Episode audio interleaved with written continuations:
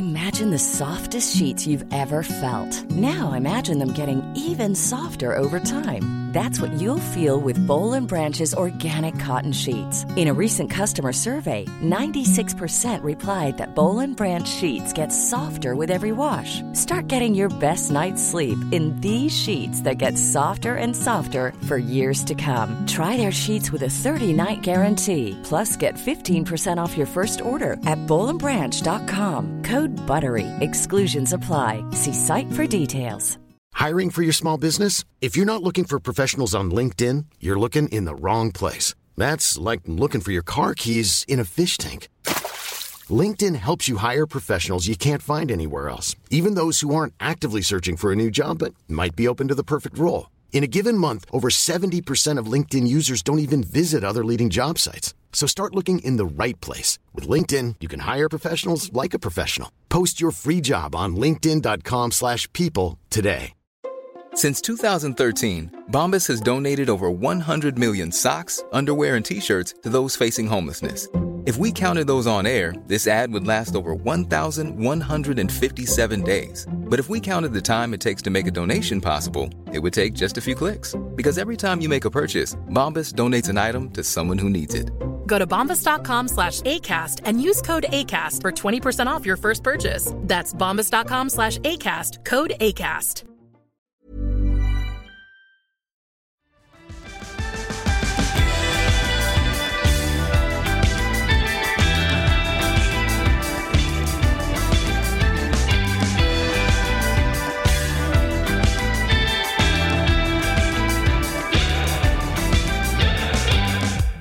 Hei og hjertelig velkommen til andre episode av vår nye podkast om afrikansk politikk. Mitt navn er Bjørnar Østby. Med meg har jeg Maren Sæbø. Og i dag, i vår første virkelig sånn tematiske eller dagsaktuelle episode, så har vi, Maren, tenkt å snakke litt om det som i 2023 ble omtalt som en, en kuppbølge som slo inn over Afrika. Det ble det omtalt som, og så kommer vi sikkert til å, å uh, ta det litt fra hverandre. Bølge beskriver jo en tendens. Mm. Det er veldig mange land i Afrika, og de aller færreste har gjenopplevd et eh, kupp i 2023. Men siden 2017 så har det vært en hel del av dem, men i en håndfull stater, vil jeg si. Ja, ja. Så vi har en tendens i noen afrikanske land, Mm. eh, men noen bølge tror jeg ikke vi har sett. Nei, og sant, vår, eh, vi, vi snakker om afrikansk politikk. Det finnes andre aktører som snakker om amerikansk politikk og britisk politikk og lignende. Og de har jo bare ett eller en håndfull land å følge med på, men det afrikanske kontinentet består av en rekke land. Eh, som betyr at man skal være litt sånn forsiktig før man begynner å konstatere en eller annen sånn trend på tvers av det ganske kontinent. Og, og vi, hvis vi skal ta på lærerhatten litt her, da, så, så vil vi jo oppfordre, kanskje særlig når det er snakk om afrikansk politikk, til å bli, eh, ja, skal vi si, skru på den kritiske sansen så fort du hører en eller annen slags fortelling eller et narrativ om en eller annen utvikling eller trend eller et utviklingstrekk eller bølge eller hva man måtte kalle det. For det, det er jo noen sånne fallgruver som vi ganske fort kan falle i, som det kanskje er greit å, å gå kjapt innom. Eh, særlig i møte med den ideen om en sånn pågående kuppbølge. Jeg kan vel egentlig ta eh, noen av fortellingene som vi har hørt om denne bølgen, Ja. eh, eller den påståtte bølgen. Én. Eh, den startet jo ikke i 2023, den starta heller ikke i 2022. Nei. Og så er den ikke ny. Og så skjer den ikke bare i fransktalende land. Nei. Og så er det ikke Russland sin skyld. Nei. Det er heller ikke Thomas Sankara sin skyld. Det, det er eh, altså det som først og fremst slår Altså nå har vi tatt og lagd en liten liste, Mm. eh, ettersom dette ikke er britisk eller amerikansk politikk, og vi har veldig mange land og fryktelig mange presidenter å holde på øye Mm. så har vi lagd en liste over eh, kupp-kupp-forsøk, eh, land, presidenter eh, og eh, Medfølgende herligheter. medfølgende herligheter og hvordan dette egentlig skjedde. Eh, og, og det som slår oss, er vel kanskje at her er det eh, kreti og pleti. Mm. Her er det eh, veldig forskjellige situasjoner, eh, veldig unike situasjoner. Noen som ligner litt på hverandre. Eh, noen som eh, er tidligere franske kolonistater, eh, men det- lista toppes av eh, kanskje et, eh, en tidligere britisk protektorat, eh, Sudan. Vi har også et par portugisisktalende land. Ja. Videre er de som har blitt erstattet i dette kuppet, eh, av litt forskjellig kaliber. Mm. Eh, vi har den eh, aldrende statsmann-kategorien. Vi har eh, andre kuppmakere. Mhm. Kuppmakere erstattes veldig ofte av kuppmakere. Yep. Eh, det skal vi også komme tilbake til. Og så har vi da eh, ikke så veldig mange som selv var demokratisk valgte. Eh, flere som var kanskje valgt under litt dubiøse omstendigheter. Mm. Ja. Og, og det vi skal se her, hvis vi skal avsløre litt, det er jo det at vi, vi kanskje bør prøve å unngå den, den logiske feilslutninga som på engelsk fint kalles for en recency bias, som enkelt sagt bet, altså det betegner bare vår tendens til å legge mer vekt på og, og liksom tenke at nyere hendelser er viktigere, rett og slett, enn ting som har skjedd før. Vi henger oss mer opp i de, vi har en tendens til å tilegne de mer liksom viktighet og forklaringskraft osv., og, så videre, og så glemmer vi litt lengre utviklingstrekk og, og hendelser som har skjedd for ganske lenge siden. Og det, med en gang man hører snakk om en eller annen sånn bølge eller trend eller lignende, så bør kanskje det være vår første liksom sånn kritiske refleks. Er dette virkelig nytt, eller er det bare at vi følger litt mer med på det nå, eller at noen har begynt å omtale det som om, en, som om det er en trend, og så har vi glemt litt at dette kanskje er et ganske vanlig trekk. Og det, det har det jo definitivt vært i afrikansk politikk. Det har det. eh, og eh, det som kanskje er litt interessant med den lista vi har satt opp, eh, over de litt sånn vi, vi, vi valgte ut noen for å Mm. gjøre det litt enklere, Ja. eh, også for å vise litt av mangfoldet i afrikanske kupp, eh, er jo at det første kuppet på vår liste, som skjedde i 2017, Mm. Ikke umiddelbart ble omtalt som et kupp, og så ble det omtalt som et slags godt kupp, altså et Mhm. snilt. eh, og folk var veldig fornøyd i noen uker. Jeg snakker selvfølgelig om Zimbabwe i 2017. Yes. Det som skjedde i Zimbabwe i 2017, var at eh, du hadde selvfølgelig Robert Mugabe, som hadde vært eh, henholdsvis statsminister og president si- sammenhengende siden 1980, siden Mm. uavhengigheten. Mm. Han begynte å bli veldig gammel. Yes. Eh, og så var det en krets rundt Mugabe, eh, som eh, egentlig ikke var én krets, men flere fraksjoner. Mm. Hans kone Grace Mugabe så for seg å ta over den presidentstolen. Eh, det gjorde også visepresident Emerson Mngangwa. Mm. Og det hele endte i en liten showdown, hvor militæret grep inn. Ja. For så vidt med folkelig støtte. Og Mugabe på en måte måtte trekke seg tilbake. og det måtte også Grace, som Ja. kanskje var en litt større sak. Ja, ja. I dag så, så, er, eh, så er det egentlig business as usual i Zimbabwe. Mm, Jeg har mm. akkurat vært der. Det er ingenting som tyder på at det, det systemet rundt Mngangwa, som da tok over Mm. etter dette kuppet i 2017, er noe særlig annerledes enn det som forgjengeren hadde bygget opp. Så dette er vårt eh, det, det, vi, vi starter i 2017, Mm. bare for å introdusere temaet, egentlig. Ja. Og det er jo egentlig et eh, interessant case også med Zimbabwe, gitt at kuppet i 2017 vanligvis regnes som det første på en måte sånn ja, Kall det utvetydige kuppet, da. Mm. Eh, visse påstander om kuppforsøk og lignende før, men, men faktisk da første gang det landet opplevde et vellykka kupp i, Mm. siden uavhengigheten, da. Som er en ganske annen fortelling enn land nummer to, eh, Mm. som vi har satt opp, nemlig Sudan. Sudan ligger på kupptoppen. Yes, uh, internasjonale kupptoppen. Den internasjonale kupptoppen, Uh, og, og den uh, kupptoppen den uh, domineres ikke av afrikanske stater, den Nei. domineres av Latin-Amerika og Midtøsten. Yes, og Men- til dels Sørøst-Asia. Thailand, til- Myanmar særlig. Ja, Men Mm. Sudan er helt der oppe. Yes. Sudan Der er dette politics as usual, Mm. men hadde ikke vært det på en god stund. Nei. Inntil da Omar al-Bashir ble felt av en koalisjon, kan vi vel si, eller Mm. når gata kom sammen med militæret i 2019. Ja, ja. Uh, altså The Sudanese Street. Mm. Uh, dette var en litt sånn forsinka det, altså, det, Dette er tolka på flere måter. Som Ja. en sånn forsinka arabisk vår. Som en sånn endelig, endelig oppgjør eh, i Khartoum. Men det var et kupp. Ja.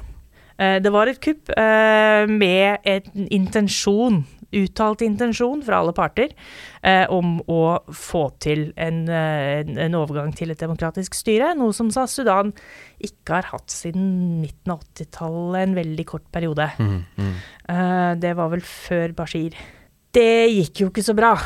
For kuppet i Sudan 2019, som også da ble først eh, hilst velkommen og voldsomt populært, Mm. eh, et godt kupp. ble jo etterfulgt da at de militære delene av dette overgangsrådet Mm. tok makta i, først i 2021.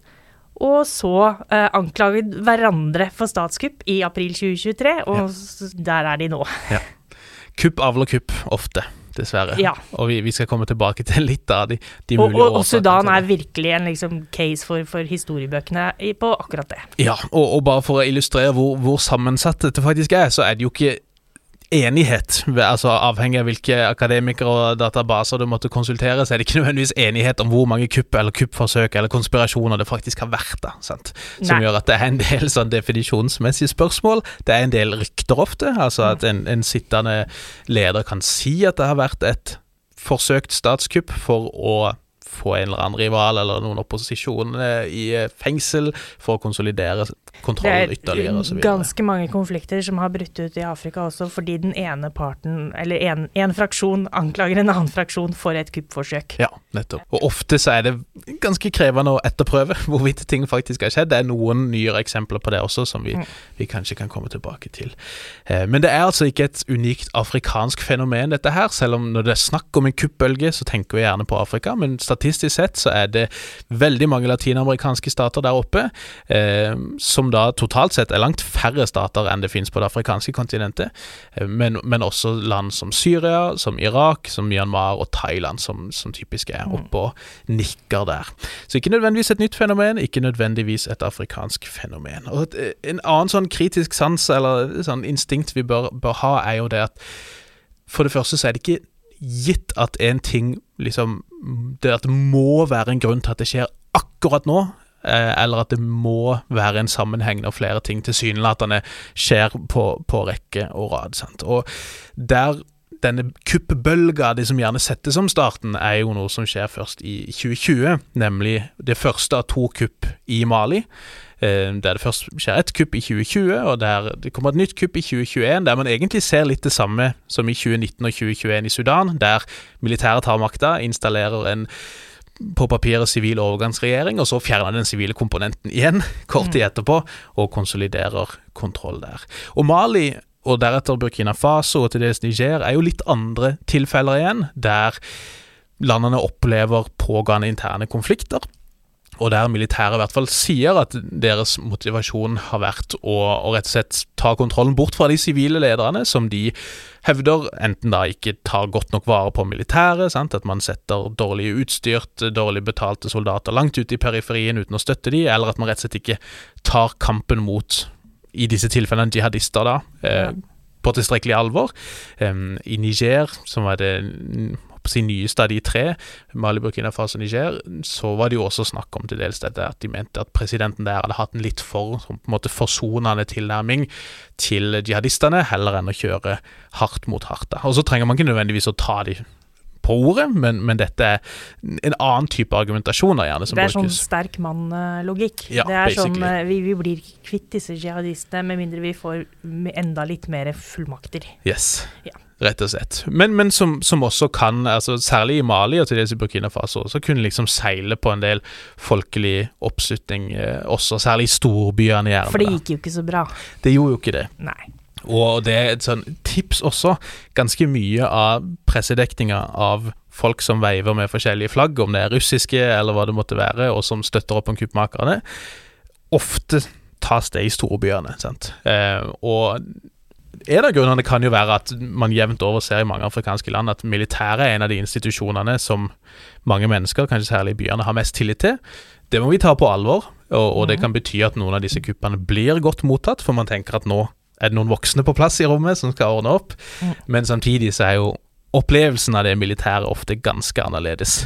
Om du sitter i hovedstaden, eller om du er et eller annet sted ute i periferien, nærmere fronten, der det ofte er ganske mye Mye mindre sentrum-periferi-politikk i en del av disse statene, Yes. eh, og det vil se veldig annerledes ut. Ja. Eh, om du er on the receiving end for det de samme militære som, som ruller rundt i hovedstaden. Mm. Selvfølgelig. Nettopp, nettopp.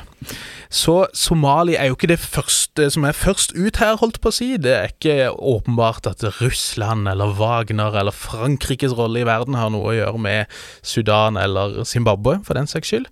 Eh, og så har vi en annen litt sånn kanskje mindre omtalt, et mindre omtalt kupp i den samme regionen, mer eller mindre, som de tidligere nevnte, nemlig Guinea i 2021, som igjen er en litt sånn annen variant, og som har fått litt mindre oppmerksomhet fordi eh, den militære juntaen der ikke har vært like håper å si, eh, hissige i retorikken som Mali, Burkina Faso og Niger, og som ikke har orientert seg like mye mot de andre, eh, i hvert fall når det kom til krisa i Niger, da, som disse Og en annen grunn også, det, det var en viss uh, internasjonal sympati kanskje også, for, mm. for å avsette en som hadde sittet lenge som president. Yes. Uh, Alfa Konde. Det, det var Altså, det var det, det, er på en måte ingen som grå Som med Mugabe, mm. eh, og for så vidt al-Bashir, det var ingen som, som, felte veldig mange tårer Nei. over at disse folka ble avsatt. Heller ikke blant naboene, Nei. og heller ikke da i,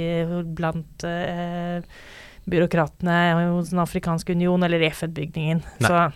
Nei, sant, og Alfa Kandé er et litt annet tilfelle igjen, der man har en som har blitt eh, valgt inn to ganger og så går inn i, i listene over sånne third term-presidenter, som da har prøvd å tukle litt med systemet, kanskje endre litt på valglover og lignende, for å sikre seg en tredje og i utgangspunktet grunnlovsstridig periode. Det gjaldt Alfa Condé, som vant valget i 2010, 2015, så er det kontroverser rundt valget, naturlig nok, mm. men også i 2020, der han ikke egentlig i teorien hadde lov til å, eh, å stille. Så, så eh, enda en sånn variant, da. Ok, han har sittet i ti år. Spilt sånn tålelig etter noen av de mest grunnleggende reglene, i hvert fall, men ender opp med å bryte de, og, og blir kanskje til dels derfor da etter hvert fjerna av militæret.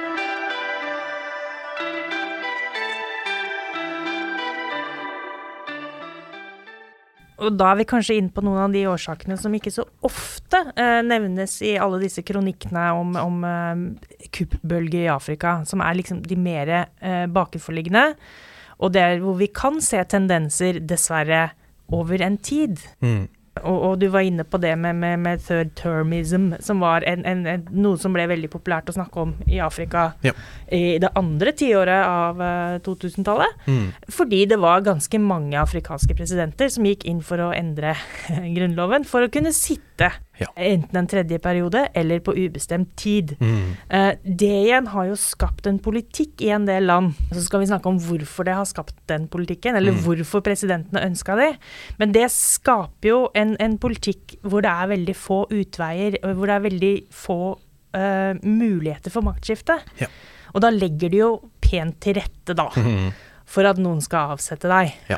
Um, det, for å ta det litt tilbake til Zimbabwe det som, det, Når jeg var i Zimbabwe nå, så de har hatt et, et, uh, hatt et valg uh, hvor det har kommet inn en del opposisjonskandidater. Uh, da jeg var i Harare, så var de i ferd med å strippe ned den opposisjonsgruppa i parlamentet mm. for å kunne endre grunnloven, for å kunne Nettopp gi da Mengangwa mulighet til å stille mm, eh, en mm. tredje periode. Ja. Så, så, han stenger jo nå de samme eh, veiene mm. eh, som han sjøl på en måte ikke klarte å, å, å, å gå. Og, og, da begynner det helt Altså uten at jeg skal si at det som skjer i Harare er det som gjenspeiler liksom hele Zimbabwe, mm. men da begynner det å svirre rykter om at noen ønsker et kupp igjen. Ja. Ja. ja, sant. Så når du stenger den ruta, så er det altså Det trenger ikke bety at vi dermed sagt skal feire kuppmakere som fanebærer for demokratiet, liksom. Det er de dessverre sjelden. Men, men man kan forstå likevel at det liksom fremstår som et, et rimelig alternativ, nærmest. Det er det, det å, å, gå inn for uh, valglover eller valgsystemer som, som gir én gruppe eller én fraksjon litt sånn evig mm. uh, evig valgseier. Ja. Det, det, er helt klart en av forutsetningene for, for at man får, eh, bygger opp en misnøye mm. som kan ende i et kupp. Ja. Ja. Ikke gjør det nødvendigvis. De aller fleste steder hvor dette har skjedd, så har det ikke, for, altså, så har det ikke endt i kupp. Nei. Men det har endt med noen ganske geriatriske presidenter. Nettopp. Og det er jo litt sånn forskjellige triks ute og går her, da. Og, og, igjen, dette er ikke noe afrikansk fenomen. Se på Erdogan, se på Putin f.eks. De har jo gjort akkurat disse samme Putin tingene. Putin gikk jo av en periode, da. Mm. Ja. Jo da, men, men sant, det er jo et triks. Hvis du bare hopper ja. litt mellom eh, presidentvervet til statsministerposten, og så mm. får du eh, noen andre til å gjøre litt endringer for det, så kan kan du eh, komme tilbake. Sånn. Så det, og det er jo noe noen statsledere gjør, da. Skifter litt verv, og så mm. finner de ut av det. Men en typisk ting som skjer, er jo det at altså, de fleste grunnlover har står at du har to presidentperioder på så og så lenge. Noen har fire år, noen har fem, noen har syv osv. Og, og eh, deretter så kan du ikke lenger stille til valg. Noen har jo også lagt inn aldersgrenser og sier Mm. at du må være så og så gammel, så du kan ikke være under den og den alderen i noen tilfeller, eller du kan ikke være over den og den alderen. Jeg tror Afrika har mer av de der hvor du ikke kan være under. Det har i hvert fall blitt slik. Det har i hvert fall blitt slik, ja. ja. Og, og det man jo gjerne gjør da, er jo det å prøve å få gjennomført en eller annen grunnlovsreform via folkeavstemning. Mm. Og så kan man jo diskutere hvor gyldige er disse folkeavstemningene, da, da, da. Men det er en Eller sånn rett og slett rense parlamentet. Det er jo også en, Ja. en fin måte å gjøre det på. Det er litt enklere noen ganger. Mm. Ja. Noen velger jo rett og slett bare å gå helt forbi de etablerte prosedyrene. Sant? Det, Mm. det er jo vi kunne snakka mer om Tsjad. Det er litt sånn definisjonsspørsmål. Da Mm. Deby den yngre kom til makta, var det et kupp? Etter Grunnloven, kanskje. For ifølge Grunnloven, når presidenten dør, så er det lederen for nasjonalforsamlinga som skal gå inn. Men man satte til side liksom de etablerte rammene. Sant? Man kan diskutere det, men ofte så prøver man jo å få til en eller annen grunnlovsreform.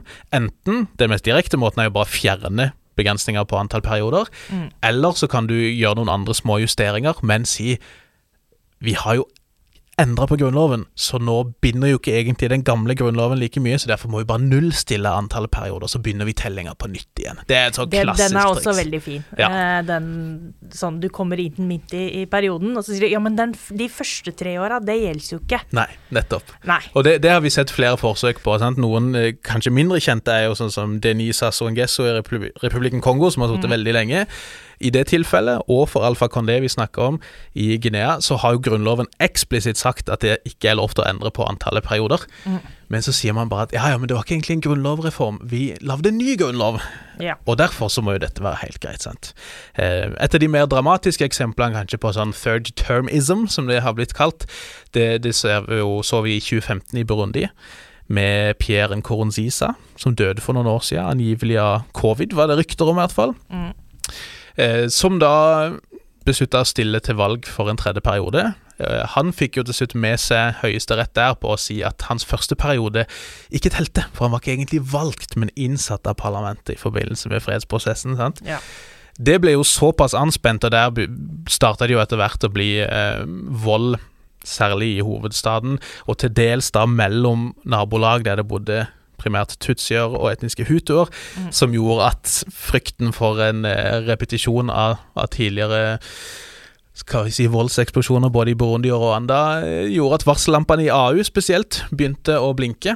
Og, og der trua jo faktisk Den afrikanske union med å intervenere militært hvis ikke eh, en Koroncisa eh, endra kurs. Han gjorde ikke det, avslørte bløffen. og, og eh, det er kanskje litt for enkelt å, å si liksom at når AU trakk seg ut der, så satte det en presedens som gjorde at vi har sett mer av det siden. Men det har nok ikke hjulpet, tror jeg i hvert fall, når man ble sett på så, såpass svak og lite troverdig i det tilfellet. Det har jo helt klart uh, gjort at eh, det, det er ikke så veldig mange som, som blir nervøse lenger Nei. når Den afrikanske union sier at uh, dette, dette får du ikke lov til. Det, det kan gjelde uh, som third termism, eller det kan gjelde kupp. Ja. Og AU har jo vært og rasla med sablene eh, de aller fleste kuppene vi nå har omtalt. Uten at eh, noen har egentlig brydd seg noe særlig om det. Og Nei. det er jo rett og slett fordi AU har jo ikke noe, de har jo ikke noe ris bak speilet. Nei. Eh, Det blir gjerne liksom outsourca mer til de regionale. Vi det er Ekovas og ja. IGAD og, og Sadek og, og disse regionale organisasjonene som eventuelt må stille. Mm. Eh, og i noen tilfeller så, så, så kan det være en vilje der. Altså Ja. Vi har sett i Niger at de har vært Mm. Ekovas har vært litt på. De gikk inn i Gambia for noen år De siden. gikk inn i Gambia. Men så, det har jo ikke hatt noen avskrekkende effekt, det tilsynelatende, på Men- andre men- i regionen. Så Nei, og, og ja, altså Sudan Altså IGAD. Eh, IGAD består av en hel masse land uh, hvor alle enten er i krig med seg selv eller med hverandre. Uh, det, det er rett og slett ikke kapasitet til å f.eks. intervenere i Sudan. Og ganske lite troverdighet også, hvis du ser på statslederne, da. Det, vi skal, det skal jo sies at det er mange byråkrater som jobber i organisasjoner som AU, som gjør en tapper jobb, men når du er prisgitt viljen til forskjellige statsledere, som ofte sjøl sitter på en tredje Ubestemt tid. eller, eller har tatt makta eh, med makt, så, så, så er det klart at du mister en del kredibilitet. da. Og det har vi jo sett sånne grunnlovsendringer og tredje perioder ganske mange steder de siste årene. Fra Komorene til Egypt til Museveni i Uganda, som har styrt sjappa siden 86, og både fjerna aldersgrenser og grenser på perioder. Paul Kagame i Rwanda har gjort det samme. Kan, kan vel sitte til godt ut på 2030-tallet nå, hvis han føler for det. Um, og så så vi jo også bare så seint som i fjor at president uh, Touadera i Den sentralafrikanske republikk også fikk gjennomført en sånn grunnlovsavstemning og reform, til dels da med hjelp av Wagner-gruppa, som, uh, som sto for sikkerheten, da, hvis du under De er greie å ha. Ja. Eh, og, og nå er vi for så vidt inne på en av disse grunnene til at eh, sånne leiesoldathærer som Wagner Mm. eh, men, altså, De er ikke aleine, og alle disse leiesoldatgruppene er heller ikke russiske. Nei. Eh, det finnes også hjemmeavla, eh, sørafrikanske blant annet. Mhm. Eh, disse er kjekke å ha når du skal det vi kaller coop proof. Yes. Fordi det som vi ser av lista vår også, er jo da at eh, de som gjennomfører kupp, veldig ofte kommer fra presidentgarden. Mm. Eller i hvert fall den indre krets. Ja. Eller etterretninga. Mm. For å hindre det, så er det greit å ha noen utenfra. Mm. Eh, enten noen livvakter, en liten egen leiesoldatgruppe. I Bashir sitt tilfelle så var det jo faktisk Rapid Support Forces. Ja. eh, som er styrt av Hemeti, som nå er den ene krigsherren som skyter i stykker Sudan. Mm. Det var jo hans på en måte eh, antikuppstyrke. Eh, og nå har de liksom kuppa hverandre. Mm. Mm. Eh, for Den sentralafrikanske republikk så er det veldig greit å ha Wagner som en sånn Eller for presidenten i Den Mm, sentralafrikanske republikk så er det veldig greit å ha Wagner i bakhånd. Ja. Og om du har en fredsbevarende styrke, så kan det også faktisk virke avskrekkende. Og det er blitt forska på det, altså advarsler om at fredsbevarende operasjoner faktisk kan bli bidra til å konsolidere autoritære styrer, heller enn å lede det i en bedre vei. Eh, rett og slett fordi du hjelper staten med å, å stabilisere situasjonen, og derfor fjerner insentiver til politiske prosesser, forsoning og lignende. Eh, og antagelig avskrekk og forsøk på å velte makta også. Eh, og, og så er det jo en sånn, eh, skal vi si, en liten sånn politisk tragedie her, om du vil, som, som er denne sammenhengen mellom kuppfare og det vi kan kalle klientellisme, eller patronasjebaserte ordner, hvis du vil bruke et fancy ord. Nypatrimonialisme, kalles det kanskje på det vanskeligste viset. Eller politics of the belly. Ja, eventuelt. Ja. Der mange statsledere er ganske klar over dette her grunnleggende sivil-militære paradokset, som det har blitt kalt, eller paradokset i relasjoner mellom sivile politikere og militære, nemlig at den instansen som er oppretta for å beskytte folket og samfunnet, militæret eller sikkerhetsapparatet, er jo sjøl i en posisjon til å bli en trussel mot de de er ment å beskytte. Sant? Så dette her er evige spørsmålet. Ok, men hvem skal vokte vokterne, da? Og dette er jo grunnen igjen da til at man trenger disse her, at man driver med coop-proofing. Yes. Eh, men grunnen til at man i det hele tatt har makta, eh, og beholder makta, Mm. er jo veldig ofte at eh, sitter du på toppen i et politisk system slik det vi begynner å skissere opp nå, Mm. så eh, er du avhengig av å eh, skaffe deg kontakter nedover, eh, og, og passe på at de også ønsker å være der.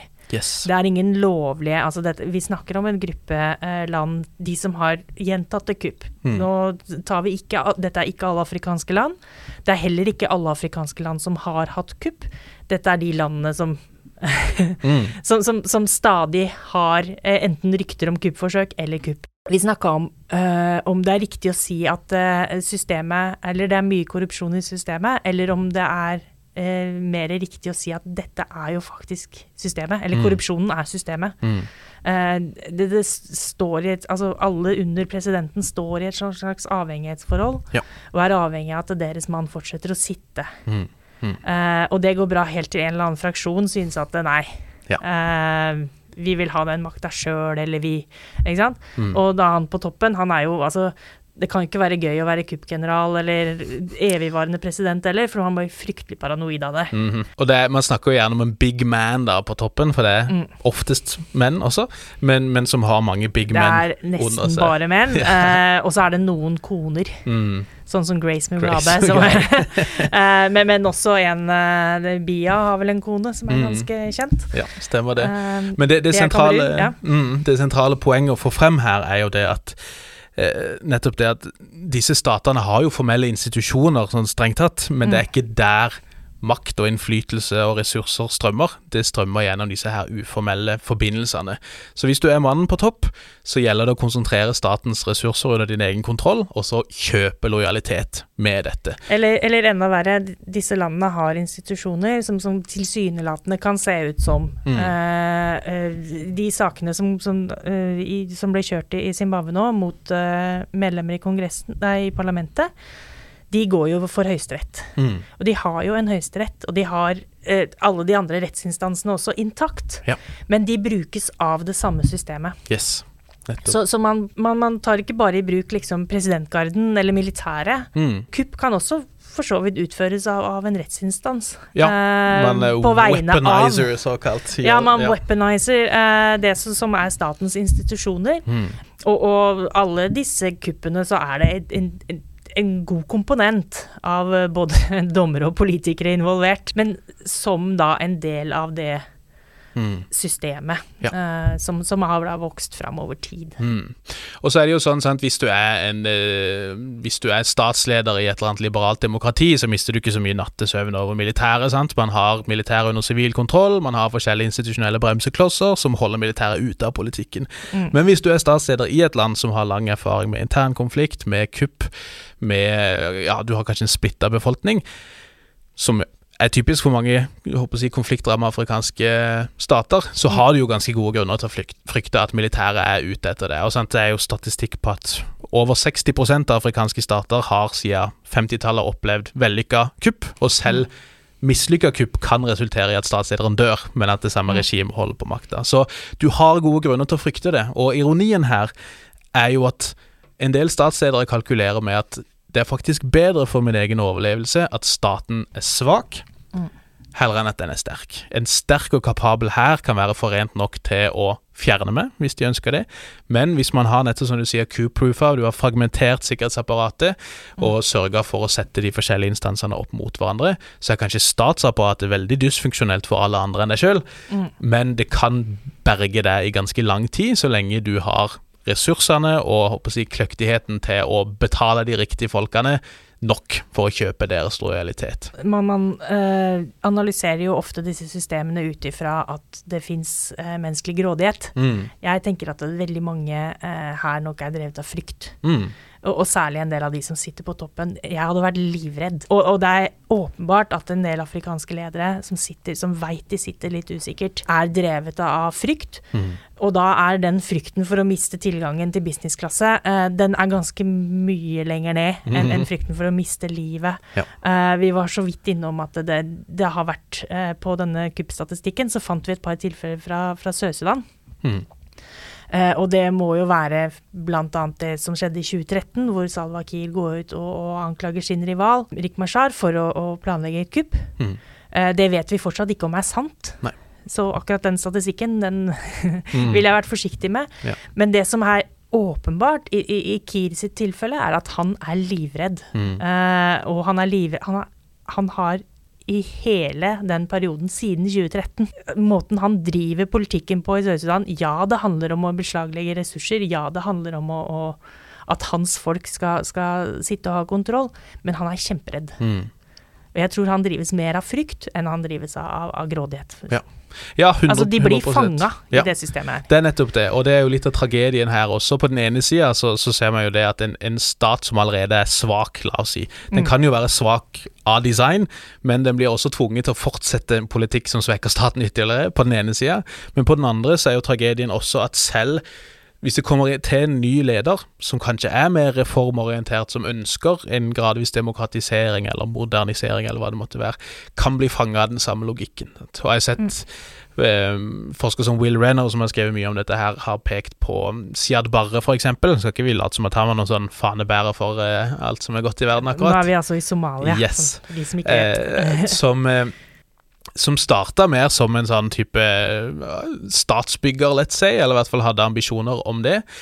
Men etter et mislykka kuppforsøk bare snur fullstendig over på ok, mm. nå er det eh, regimets og min personlige overlevelse som gjelder, og i dag i praksis begynner å egentlig plukke staten fra hverandre nærmest for å berge seg sjøl. Og så er det ikke det den eneste årsaken til at den somaliske stat langt på vei kollapser i 1990-årene, men det er en av årsakene, i hvert fall. Mm. Så, så det jeg hørte senest når det var snakk om valget i Kongo nå nylig, eh, så var det mye snakk om at eh, Kongo sliter mye med korrupsjon. Og det er sånn, sånn åpenbart så er korrupsjon et problem hvis målet er demokrati og økonomisk vekst osv. Men som du sier, så er det bedre, tror jeg, eller nyttigere å forsøke å forstå korrupsjon som rett og slett middelet som smører den politiske styringa i dette landet. Det er en helt integrert del av dens funksjon. det er institusjonalisert. Ja. Det, er, det er den måten politikken virker på. Eh, og og eh, det tragiske med det er selvfølgelig at det er fryktelig udemokratisk. Mm. Eh, og og det, det neste som er da tragisk, er at det er et, et system som fortsetter å reprodusere seg sjøl, og som Ja. er veldig vanskelig å, å gjøre noe med. Ja.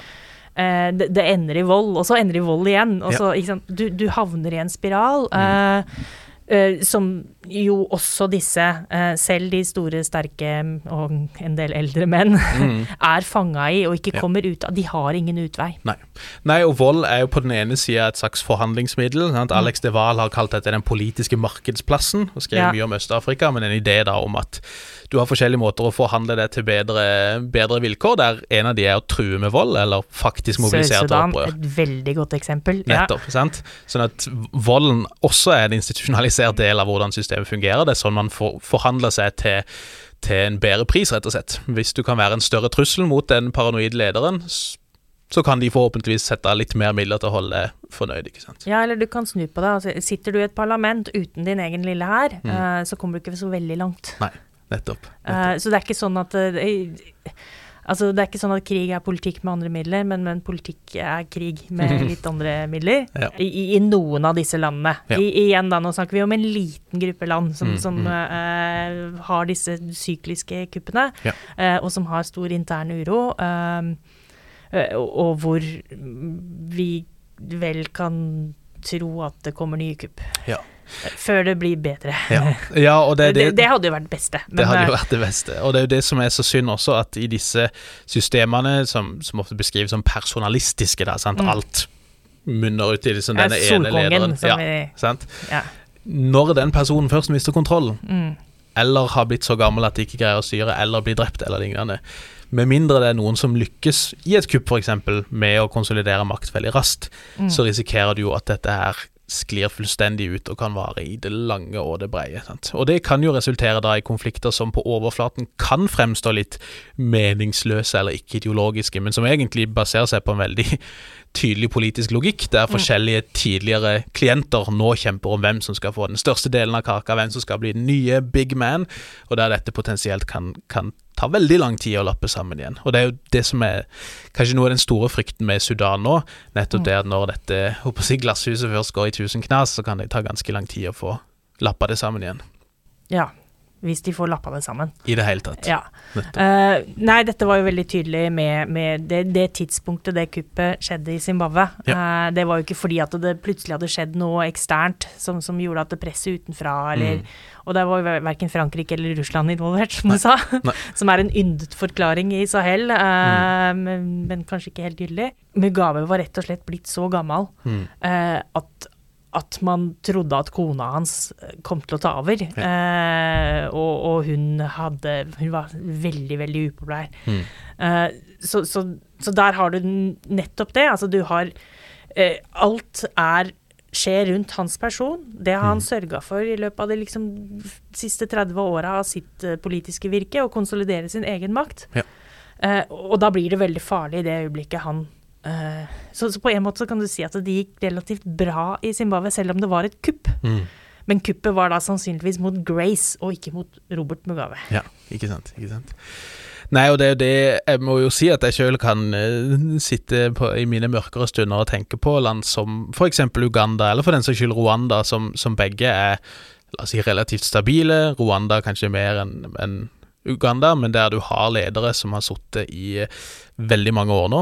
Museveni siden 86, vel. Kagame sånn formelt sett siden 2000 i Rwanda, men strengt tatt har han styrt showet der siden 94 det er ikke åpenbart for meg hvordan maktskiftene skal gå pent og pyntelig for seg der, sånn som den institusjonelle setupen er nå, sånn som de gutta har rigga seg til, og fjerna forskjellige begrensninger som gjør at de kan sitte der ganske så lenge. Um, og, og med den forhistorikken begge de landene har, med, med mye politisk vold opp igjennom, så, så er jeg litt rolig for, for hvordan ting skal skje der. og Altså, Museveni og Kagame eh, de har jo blitt sittende også fordi de har klart å, å altså I motsetning til noen av disse som bygger svake stater, mm. eh, by design, mm.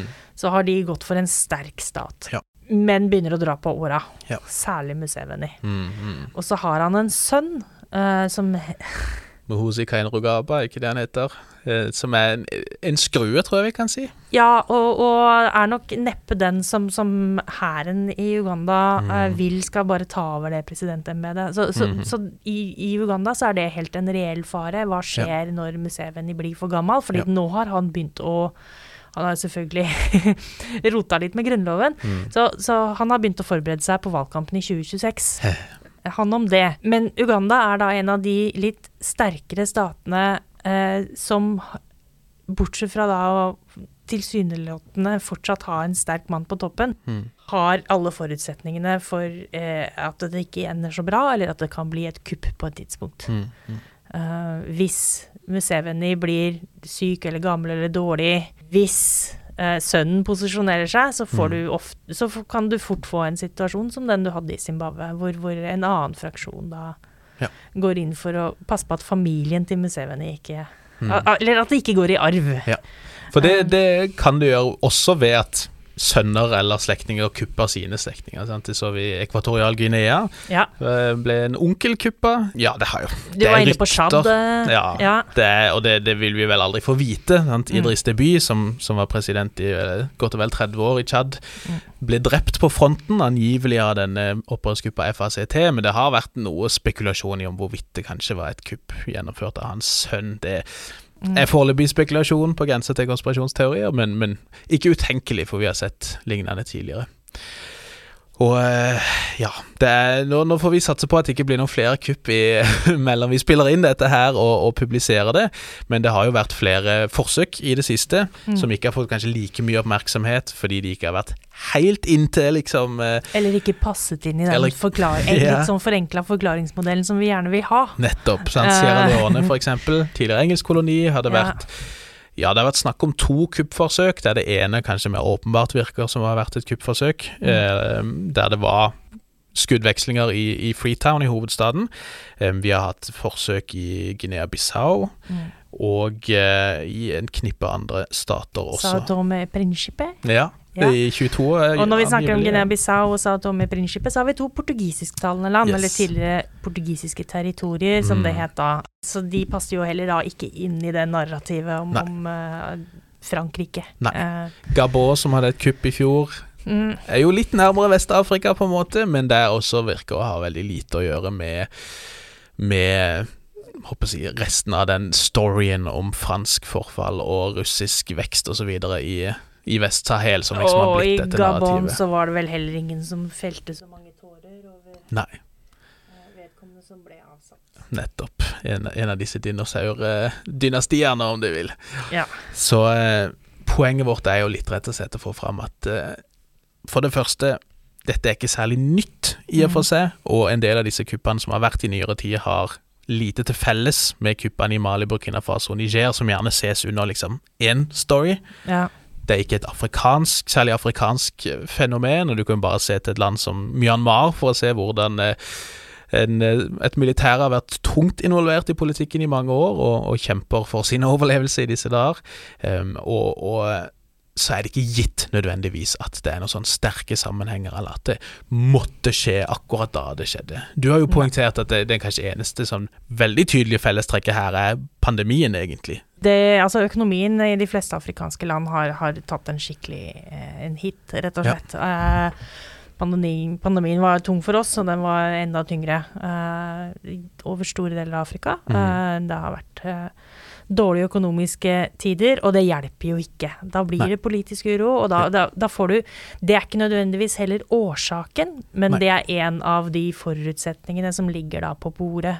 Men jeg tror, altså hvis man skal snakke om liksom, hva, hva har alle disse landene til felles, så er det en del av de landene vi nå har snakka om. Det de har til felles, er at det, det, det fins ikke noe klar vei mm. til politisk makt. Nei. Som gjør at de, de maktskiftet skjer på den måten. Eller det, det legges opp til det. Mm. Uh, hvis du kombinerer da det litt med litt sånn økonomisk usikre tider og uh, sikkert en haug med lokale årsaker mm. uh, som man kan gå inn på på hvert eneste kupp, så, så er det det som er forklaringene. Det er akkurat så vanskelig og komplisert som det ikke er det. Altså, sånn, det, det, er både komplisert og ikke komplisert. Mm. og så er det litt kjedelig. For det passer jo da ikke inn i de fortellingene vi gjerne vil ha, ja, ja. Som, som, som, handler om at det er en bølge eh, som handler om at det bare er de fransktalende landene, eller at dette er Sahel, mm. eller at det dreier seg om jihadister, eller at det handler om Russland. Mm. Russland er veldig flink til å eh, synes. Ja. Vifte med noen flagg og sånn, men, men, har egentlig ikke så veldig mye med dette å gjøre. Nei. Nei, og sant, folk har hatt rikelig mye grunner til å være misfornøyde uten at russerne trenger å piske opp det på noen måte. Um, og, og, så er det jo også påfallende av alle de vi har nevnt nå siden 2017, så er det jo kun da Zimbabwe som opplevde sitt måte, første sånn, tydelige kupp i 2017. Mm. Alle disse andre statene har en lang historie med kuppforsøk, og en del vellykka kupp også. Um, og det ser vi jo i andre deler av verden også, at noen stater så har militæret sett på seg sjøl som en eh, slags formynder, nesten, og som en viktig politisk aktør, og stadig vekk intervenert i politikken. Sant? Fra Pakistan til Tyrkia til Argentina og elsewhere. Eh, og det varierer veldig fra stat til stat, også innenfor det afrikanske kontinentet, der militærets rolle er vidt forskjellig avhengig av hvor du ser henne.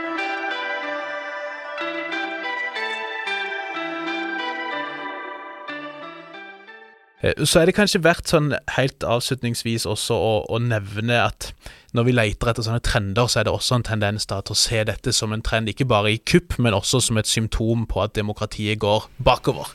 At det er backslider, som man sier fint på, på engelsk.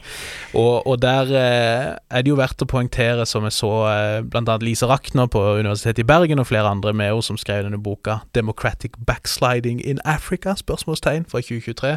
Som de sa, så er jo i den grad man ser noen sånn tydelig trend på tvers av hele kontinentet, så er det mer en trend preget av stagnasjon, der man hadde en del fremskritt i 1990-årene, og der få stater har gått lengre tilbake enn dit de kom utover i 1990-årene med denne første store demokratiseringsbølga, men at det egentlig har stoppa litt der.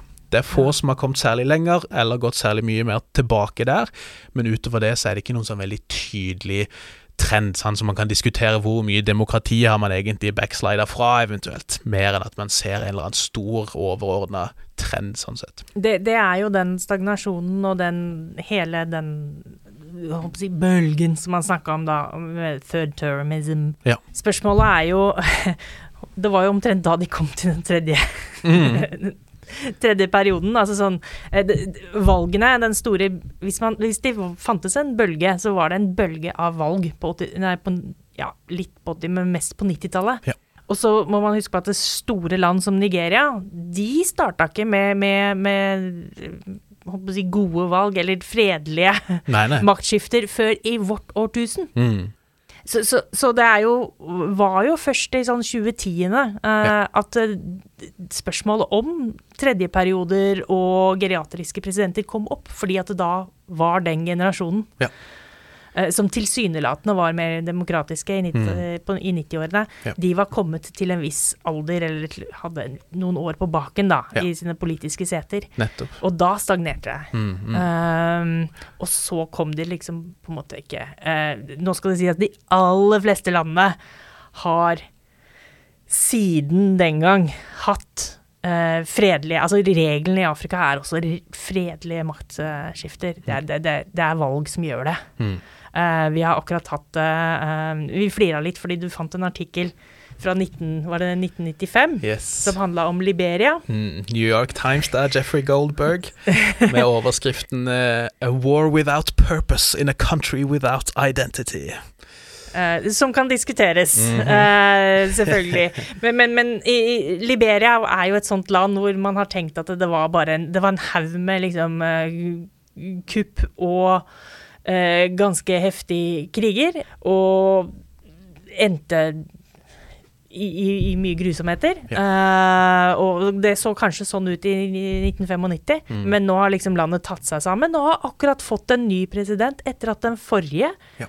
ganske eh, gracefully eh, rett og slett bare gikk av. Det var uh, Fotballspilleren. eh, George Weah. Georg Weah. Han, eh, han tapte så vidt.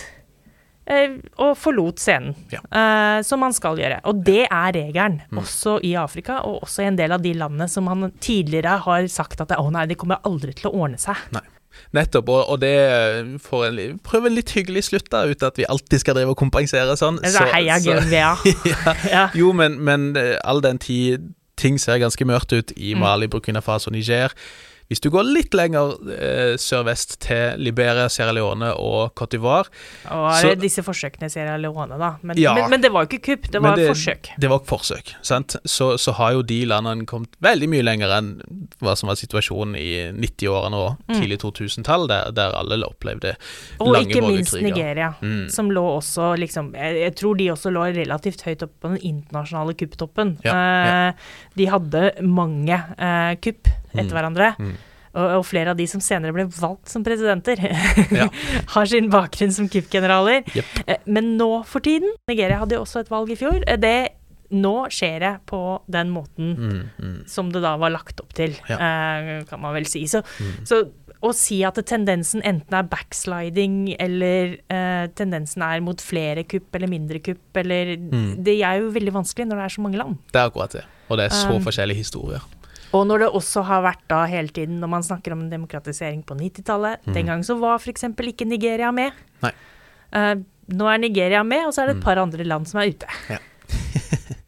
Vi eh, går inn for en landing der, rett og slett. Da har dere fått noen sånne oppfordringer til litt sånn eh, trene den kritiske refleksen litt. Vi har masse spennende vi skal gjennom resten av denne våren.